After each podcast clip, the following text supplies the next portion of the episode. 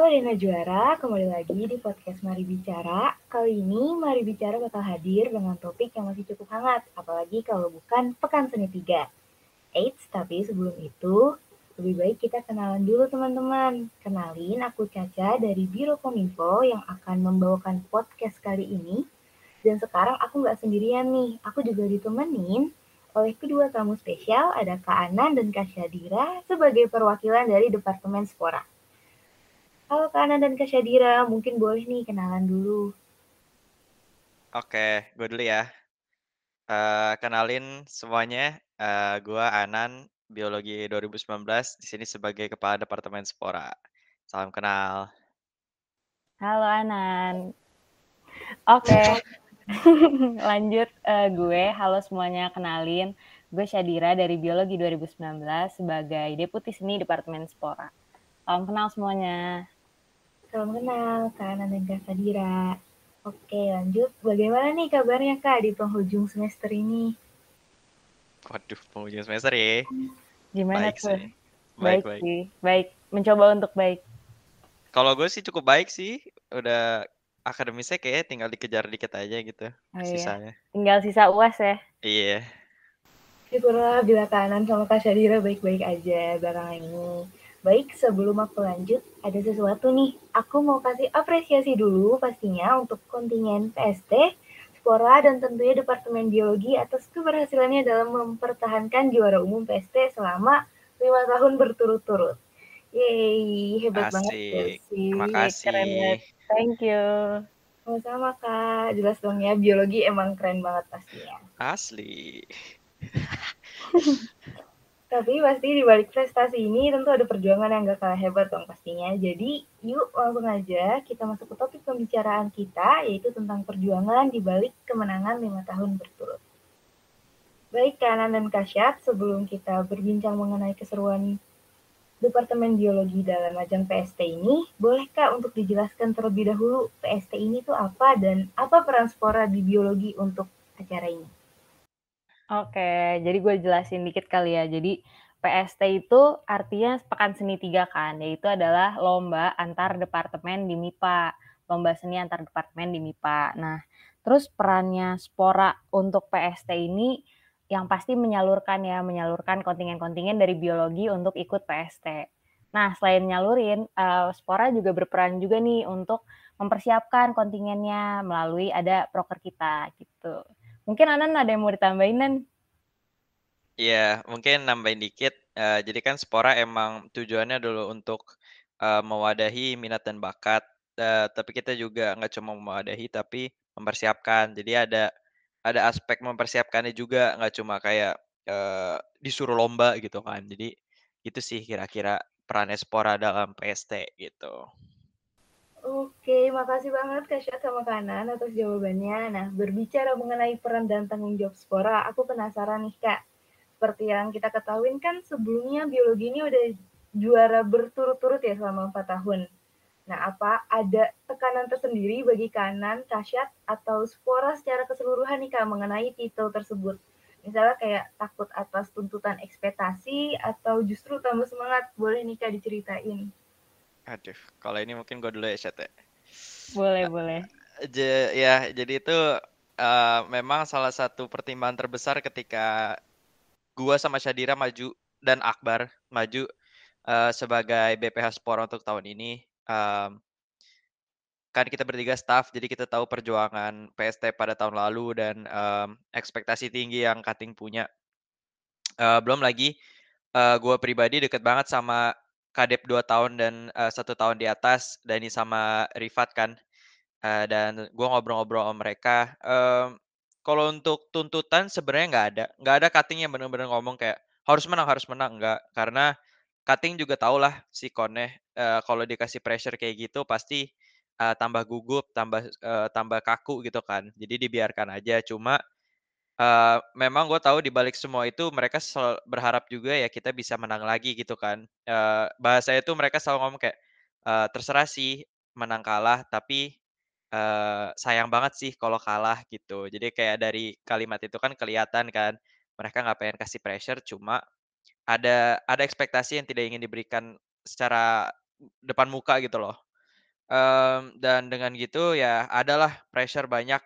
Uh, Shadira juga pas awal kepengurusan uh, bilang kayak uh, gimana nih PST segala macam. Terus gue bilang kayak ya udah kita coba aja nanti bareng apa berusahanya gitu sih. Pengen dari Shadira mau nambahin? Sebenarnya gue setuju sih intinya nan kayak sebenarnya pressure tuh nggak ada uh, dari cutting atau dari siapa pun. Dari Cuman diri kitanya, sendiri. iya Iya, dari diri sendiri gue, Anan, staff spora yang lain merasa terpressure gitu. Padahal nggak ada pressure sama sekali. Jadi Iya, kayak cutting itu baik-baik semua. Iya, malah kayak banyak yang mau bantu gitu kan. Ada juga alumni-alumni yang emang uh, mau jadi coach dan lain-lain ngedampingin kontingen. Jadi sebenarnya kalau pressure nggak ada, cuman mungkin kita yang nyiptain sendiri karena rasa tanggung jawab dan lain-lain gue nggak ngerti. Yang penting kayak menurut gue bagus sih pressure-nya kayak ya bagus aja gitu. Walaupun sebenarnya dari pihak luar cutting-cutting terus dari kadep-kadep Spora yang tahun lalu itu nggak ada yang ngasih pressure sebenarnya gitu. Iya, Balance lah ya, nggak nggak nggak begitu besar sehingga kita kayak bener-bener kekekang Stress gitu, banget tapi gitu uh, tapi cukup sehingga kita kayak oh iya nih ada ada ekspektasi yang harus dicapai gitu, kira-kira Iya gitu. benar. Oke, Kasyat sama Kanan. Jadi tuh walaupun misalnya cutting nggak memaksa gitu, tapi tetap ada ekspektasi secara tersirat gitu ya, Kak? Iya, betul. Benar-benar. Berarti kalau kayak gitu, bagaimana nih Kanan sama Kasyat meng, apa ya, merencanakan alur gitu atau strategi yang digunakan untuk mempersiapkan PST ini kan? Karena walaupun tadi katanya nggak ada pressure kan tetap berharap gitu untuk dapat menang. Hmm. Oke, mungkin Shadira dulu. Jawab. Oke, jadi uh, untuk persiapannya sebenarnya nggak cuma sebulan dua bulan, tapi sebenarnya dari lama. Apalagi di Spora tahun ini kita ada proker baru kan, namanya Lamina, latihan minat dan bakat. Nah dari Lamina itu sebenarnya udah kelihatan nih siapa yang uh, minat di beberapa cabang lomba. Terus siapa yang bakat juga kan kelihatan ya. Nah terus sebenarnya dari Lamina itu tuh awal mulanya.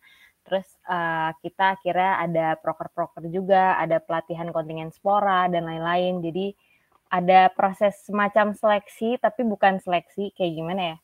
Bilangnya kayak um, audisi sih, tapi bukan audisi. Gimana ya Nan jelasinnya? Ya, Pokoknya audisi tertutup lah audisi jatuhnya mah. tertutup lah, ya gitu. Iya, kita Terus seleksi um, diam-diam. benar, jadi kita seleksi diam-diam, kita tanya mau nggak jadi kontingen dan lain-lain. Terus habis itu baru deh persiapannya kontingen untuk pelatihan, terus kayak apa aja yang dibutuhin gitu-gitu. Mungkin lu mau Hmm. nambahin Nan? Ya, mungkin nambah dikit. Jadi um, salah satu concern gue sama Shadira adalah apakah PST 4 tahun terakhir ini dimenangin uh, karena pure bakat anak bio itu emang tinggi banget. Itu gue yakin sih. Nah, Benar. Uh, cuma tuh pengalaman dari PST pas kita jadi staff tuh deadline tuh udah mau nyusul gitu loh. Hmm. Uh, dan kita tuh khawatir banget kesusul. Makanya kita buat proker dan Aplakopora kita yaitu ajang pelatihan kontingen Spora. Jadi kayak uh, dua bulan sebelum PST tuh udah kita mulai latih. Itu bener-bener difokusin beneran ngelatih dan improve gitu loh. Uh, karena kita pengen kontingen kita yang emang udah jago tambah jago lagi dan yang mungkin biasa aja jadi jago gitu kan. Uh, jadi kita mencoba membawa kultur me mengembangkan diri gitu sih dibanding kayak menyalurkan aja gitu. Dan uh, gua rasa cukup tercapai sih kayak beberapa cabang misalnya kayak solo vokal yang tahun lalunya nggak dapat podium cuma tahun ininya kita dengan kontingen yang sama ya kamu Tia itu kita beneran usahain dengan uh, coach kebetulan alumni Kak Helma dan beneran kita gencerin dan kita latih dan kebetulan uh, syukur-syukur dia dapat juara satu tahun ini gitu jadi uh, menurut gue itu lumayan besar sih perannya dalam mempertahankan PST tahun ini dan semoga bisa dilanjutkan dilanjutkan sih supaya kayak ibarat ya bakat anak bio udah gede banget ditambah lagi dengan usaha dan um, dan pelatihan dari Spora harusnya bisa tambah-tambah lagi gitu loh. Semoga bisa menang ber berturut-turutnya bisa lanjut terus gitu kira-kira. Wah, keren banget nih, Kak. Berarti effortnya bener-bener nggak main-main ya. Selain bakat juga. Jadi bakat itu nggak hanya bakat aja, tapi juga didukung sama usaha yang lainnya juga ya, Kak? Betul. Benar, Setuju benar. sih. Ide Lamina itu juga keren banget sih, Kak. Menurut aku kayak fresh banget gitu. Wah, makasih ya. kayak Fresh banget dibilangnya Set. Oke, Oke, nah karena dari Lamina ini kan tadi kan kata kakak kan jadi kayak ajang close track buat menentukan kontingen nih kak. Aku jadi ingin tanya-tanya nih kak mengenai kontingen. Kalau boleh tahu, sebenarnya berapa lama kak waktu yang dibutuhkan untuk mencari kontingen? Apakah ada kendala tertentu atau justru ada cerita-cerita seru di balik pencarian kontingen ini kak? Hmm, kayak gue dulu jawab ya. Kalau pencarian kontingen tuh, uh, ya itu kan tadi kan dibilang kan ada close track gitu kan. Jadi kita udah punya bayangan nih dari awal kepengurusan siapa yang kira-kira berpotensi. Tambah lagi kan kita juga punya pengalaman PST tahun lalu. Jadi tahu siapa yang udah udah membuktikan diri dan udah udah emang pernah bisa gitu kan. Uh, mungkin yang paling gua takjub tuh prosesnya Solvox sih menurut gua karena uh, solo vokal tuh tadinya kontingennya ada tiga calonnya uh, dan ikut serangkaian uh, ya di Lamina pertama ikut ada lomba, habis itu segala macam gitulah ada rangkaiannya di Lamina. Terus kelihatan tuh siapa yang mulai menonjol di antara mereka bertiga sampai akhirnya kita datengin uh, Kak Helma itu alumni uh, Bio 15 dan dari situ kelihatan banget tuh kalau antusiasme tuh sebenarnya mengalahkan pure bakat gitu loh. Jadi kerja keras dan antusiasme dari Kamutia tuh kelihatan banget dan uh, membantu banget. Kak Helma juga jadi seneng latihnya segala macam. Uh, sehingga jadi ya ya bisa dipupukin dan menjadi juara satu gitu. Itu sih menurut gue jalan cerita yang paling keren. Kalau Shadira mungkin? Setuju sih gue, itu emang gue juga salut banget sih, karena kayak kerja keras bukan cuman kamu Tia doang, tapi Kak Helma juga, terus dari staff Spora juga, uh, ya kan? Sabita. Itu benar-benar kerja keras banyak orang dan hasilnya uh, bakal baik banget kan, jadi tiba-tiba juara satu, itu keren sih menurut gue. Tapi menurut gue ada yang lebih keren juga nih, Nan. Karena tau gak sih kayak uh, gue rasa di setiap cabang lomba tuh pasti ada kayak plus minusnya gitu loh. Yeah ya kan kayak itu sofok terus kalau misalnya uh, videografi itu juga nggak uh, kalah keren itu kita syuting sampai malam banget itu, itu gila banget tuh ya untung-untung kita dapat podium. Itu keren sih. Dan menurut gue apa ya uh, malah keseruannya tuh ada di situ gitu loh. Kayak keseruan dari PST bukannya cuma menang lomba doang tapi persiapan lombanya gitu. Itu sih kalau dari gue. Oke baik Kak, berarti di sini tuh pengalaman seru di saat pencarian koning ini justru kayak ada pelajaran baru gitu ya Kak, kayak antusiasme tuh mengalahkan bakat. Iya, betul. Benar. Uh, masih bahas mengenai kontingen nih Kak. Boleh Kak disebutin secara umum aja boleh, secara general mengenai teman-teman kontingen kita nih Kak yang mewakili ajang lomba. Kayak misalnya ada berapa per tiap ajang lomba atau bagaimana? Wah, Sadira nih coba. Mungkin nih gue kali ya. Um, jujur kalau gue sebutin satu-satu bakal banyak banget kontingennya. Apalagi ada beberapa kontingen yang uh, kayak bergrup gitu kan. Jadi intinya adalah kalau PST tuh tahun ini ada 11 cabang lomba nih. Ada cipta lagu, ada vokal grup, ada solo vokal, videografi, komik, tari, gambar digital, poster, fotografi, cerita pendek, sama puisi. Nah, terus buat puisi, ini uh, cabang lombanya dibagi dua lagi. Jadi ada cipta puisi, terus ada deklamasi puisi. Jadi bayangkan kontingennya tuh banyak banget. Plus Spora tuh nggak cuma nyiapin kontingen utama, tapi ada beberapa cabang yang ada kontingen cadangannya gitu. Jadi um, ada satu case di mana kontingen utamanya sakit dan nggak bisa nerusin, akhirnya digantiin sama cadangan. Nah itu tuh yang kayak kayak gitu. gitu. Jadi sebenarnya kalau kontingen kita nyiapin banyak banget sih sebenarnya gitu. Iya, berarti kalau dihitung, uh, berarti kalau dihitung ada 12 tuh kan. Katakanlah iya. ya semuanya masing-masing ada cadangan. Ya 24, belum 24. lagi yang satunya belum yang grup. Yang grup kayak vokal grup isi ada bertujuh. Terus videografi juga sekitar segitu kan. Jadi ya. Iya benar. Ya 30 lebih ada kali ya kontingennya disiapin, 30 orang. Ada, ada sih kayaknya. Iya, kira-kira gitu. Wow, gila keren banget Kak. Banyak banget ya kontingennya. Oke, tadi kalau nggak salah sebelumnya Kak Syat atau Kak Anan sempat mention nih masalah syuting PST yang videografi sampai malam. Nah, uh, aku jadi penasaran nih Kak, boleh nggak Kak diceritain gitu effort lain gitu pas lagi proses persiapan lomba ini? Dan selain masalah syuting videografi, aku juga dengar-dengar katanya waktu buat lomba tari ya, uh, kakak juga sampai yang sewa studio kalau nggak salah. Jadi boleh banget nih kak ceritain gimana keseruan saat lagi persiapan. Keseruan nih. Mungkin videografi dulu bisa coba.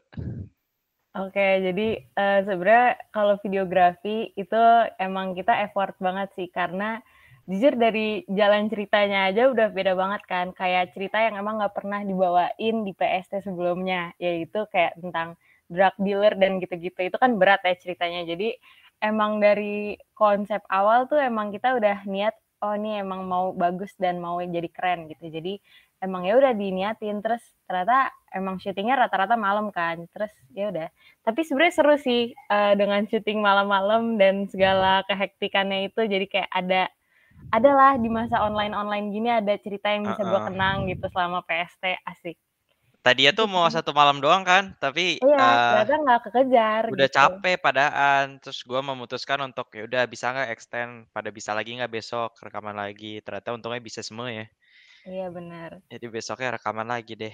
Tapi banyak banget sih selain itu juga fotografi juga kita fotografi, ada effort. Effort kita ke KRB bertiga, berempat sama PJ kan, gua Syadira, uh, Ogi sama Tiara. Itu ke kebun raya. Habis itu kita tari, gua Syadira, Sabita ikutan, terus Arsya, Arsya sama Andin. ketemu sama Andin di Kelapa Gading. Habis itu ya itu nyawa studio tuh yang itu.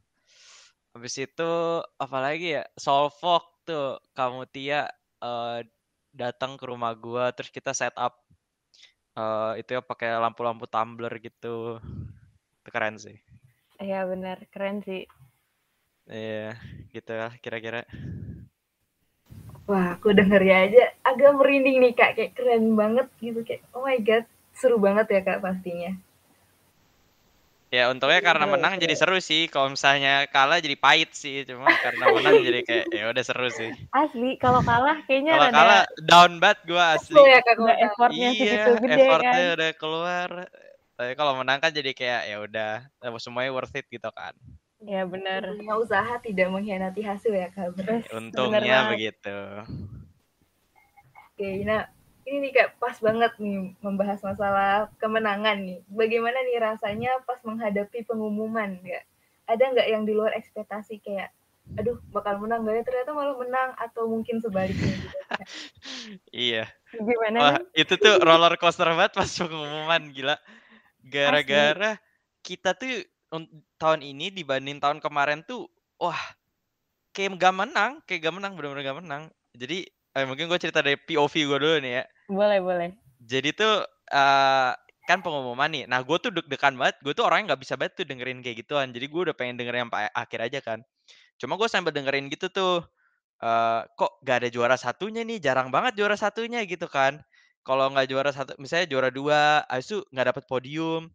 Terus kita tuh biasanya kan punya kayak apa ya prediksi atau pegangan cabang-cabang uh, yang kayak wah ini fix menang nih gitu kan. Nggak menang gitu loh kayak puisi, fogo, terus uh, gambar digital, gitu-gitu tuh yang kayak kita udah yakin banget menang. Fotografi yang kita udah yakin banget kayak setidaknya dapat podium lah. Nggak dapat podium gila. Terus uh, akhirnya gue gue ngomong ke Shadira kayak uh, Shad ini mengkhawatirkan gak sih? Gue inget banget. Terus Shadira bilang iya bener. Terus Shadira tuh bikin apa? Spreadsheet ya lu ya? Iya, gue bikin spreadsheet lu bayangin, gue ngitungin iya. tuh poin-poinnya berapa kan. Uh, uh, jadi di data sama Shadira kayak uh, yang mana juara satu. Karena kan setiap juara kan ada poin gitu kan, poin sistem gitu kan di PST. Nah Shadira bilang ke gue, ini kalau misalnya kayak gini, Matek menang. Terus gue kayak, waduh. Terus gue udah siap-siap aja tuh kan, minta maaf ke kadep-kadep sebelumnya. Kayak, udahlah, udah, udah, udah, udah parah dah tuh. Eh pas pengumuman, uh, masalah itu pertama yang diumumin juara tiga kan, juara tiga geografi, juara kedua geoscience. Nah, gara-gara Sadira bilang Matek mau menang, ya gue mikir dong lah juara satu Matek dong, artinya Bio nggak dapet podium dong gitu kan. Eh ternyata biologi, gue kayak, wah gila sih. Itu gue kaget banget sih. Jadi asli, banget ya. Itu gue udah gue udah lemes banget itu. Aduh, gue Cadira, itu, itu Cadira nelpon lu nangis-nangis gue kayak ini kan orang kayak habis diapain. Udah, udah, udah. Itu gak usah dijelasin. itu itu ya sih benar soalnya gue sendiri juga gini nih, jadi di awal itu biologi menang terus kayak juara satu, juara satu, Iya juara dua, bener, aman gitu gitu. kan, aman. Gue udah kayak, oh ini fix banget menang nih, gue udah kayak gitu. Terus tiba tiba-tiba waktu di tengah-tengah sampai ke akhir, kok nggak ada yang masuk podium gitu kan. Gue udah di pas awal nggak masuk nggak dapat podium itulah gue buat spreadsheet tuh gercep banget gue.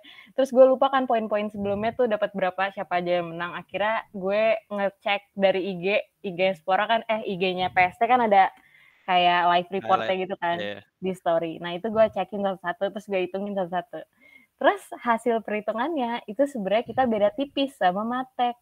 Nah kalau misalnya sisanya tuh kita juara terakhir semua terus akhirnya gue bilang sama Anan, nah nih kayak kita kalah deh. Gue gue udah kayak hopeless banget tuh di situ. Gue udah kayak, Iya. Dia sampai "Ya ngomong udahlah." gitu loh, gimana gua nggak takut ya? iya gue juga bilang sama Aban gak kan, Ban udahlah Ban udah. Gue kayak gue sedih hari ini. Gue bilang gitu, gue chat Anan, gue chat Aban, gue doa gue chat. Terus tiba-tiba pas eh, pengumuman, gue udah kayak ya udahlah nih matek. Tapi gue di satu sisi gue masih berharap gitu loh kayak masa sih kalah anjir? Masa kayak gitu. Kalahnya masalah ya sampai nggak dapet podium kan apa? Iya sedih kan, sedih banget. Ternyata tau-tau menang. Itu parah banget sih. Itu Itu itu kayak bikin stres deh. Itu kayak gitu pengumuman kayak gitu. Iya, gue nggak sehat, nggak gitu. sehat. nggak sehat banget. Nggak sehat. Untung cuma setahun sekali. asli asli. Tapi untung sih ya udah. Abis itu gue langsung telepon Anan. Gue nelpon Farel. Nggak gue gue telepon Farel terus gue nelpon Anan. Terus gue kayak aduh parah banget. Untung menang guys gitu Wah kak, aku denger ya, wow bener-bener plot twist ya kak, kayak asli asli Kayak film, kayak film. gitu ya. iya Yang disangka nggak ternyata enggak, yang ternyata nggak disangka iya gitu ya kak. Bener bener bener banget, bener banget. Bener-bener. Emang ajaib sih yang namanya pengumuman kayak gitu-gitu tuh ajaib banget. Aku Bener-bener. mengakui. Iya. Oke, wah pokoknya seru banget. Oke, jadi kak ada pertanyaan terakhir nih kak. Eh, ada nggak kak pesan untuk PST tahun berikutnya nih kak? Oke, gue dulu guys. boleh Bapak Anan Kalau dari gua, eh ini kan udah lima tahun berturut-turut nih. Eh gua rasa kalau untuk ngambil keenam juga kayak pressure-nya tinggi banget gitu kan. Mungkin pesan gua sih itu sih. Jangan terlalu fokus ke menang PST-nya, tapi fokus ke bagaimana caranya lu bisa ini untuk eh, apa biologi ke depannya ya. Bagaimana caranya bakat biologi itu nggak cuma bakat, tapi juga bakat dan usaha usaha melatih, usaha dalam menampilkan. Jadi eh, bakat mah selalu ada di biologi gue yakin. Cuma tugasnya Spora tuh untuk memastikan bakat itu nggak sia-sia dan bisa justru lebih baik lagi. Gitu sih. Eh, itu doang menurut gue. Eh, sisanya mah hasil akan me- mengikuti gitu. Gila, bijak gila, banget gue. keren banget Keren banget paling gue. bijak kayaknya. Oke, mungkin dari gue kali ya. Eh, dari gue intinya sama sih, kayak nggak usah mikirin menang atau kalah. Kayak intinya tuh effort. Bener tadi kata Caca. Kalau effortnya bagus, hasilnya juga bagus. Dari awal PST gue percaya sama itu dan ternyata alhamdulillah dapet kan. Jadi untuk ke depannya, gue yakin banget biologi bisa menang lagi. Itu kemungkinan besar tuh banyak banget adanya tapi kayak gimana caranya kita ngaturnya, gimana caranya kita uh, usahanya, itu semua pasti tadi kata Anan. Gimana Nan? Ulangin Nan? Ya gitu lah, tinggal dimundur. Iya, mengkhianati hasil. Oh Iya, ya, yang belum iya. denger mundurin aja kali ya. Iya, belum dengar boleh Gitu guys. Oke, makasih banget Kak Andan sama Kak Syadira buat pesannya. Berarti dia jangan terlalu ditekanin untuk menang, tapi lebih fokus ke kualitas ya Kak, karena usaha nggak mengkhianati hasil. Benar-benar. Oke.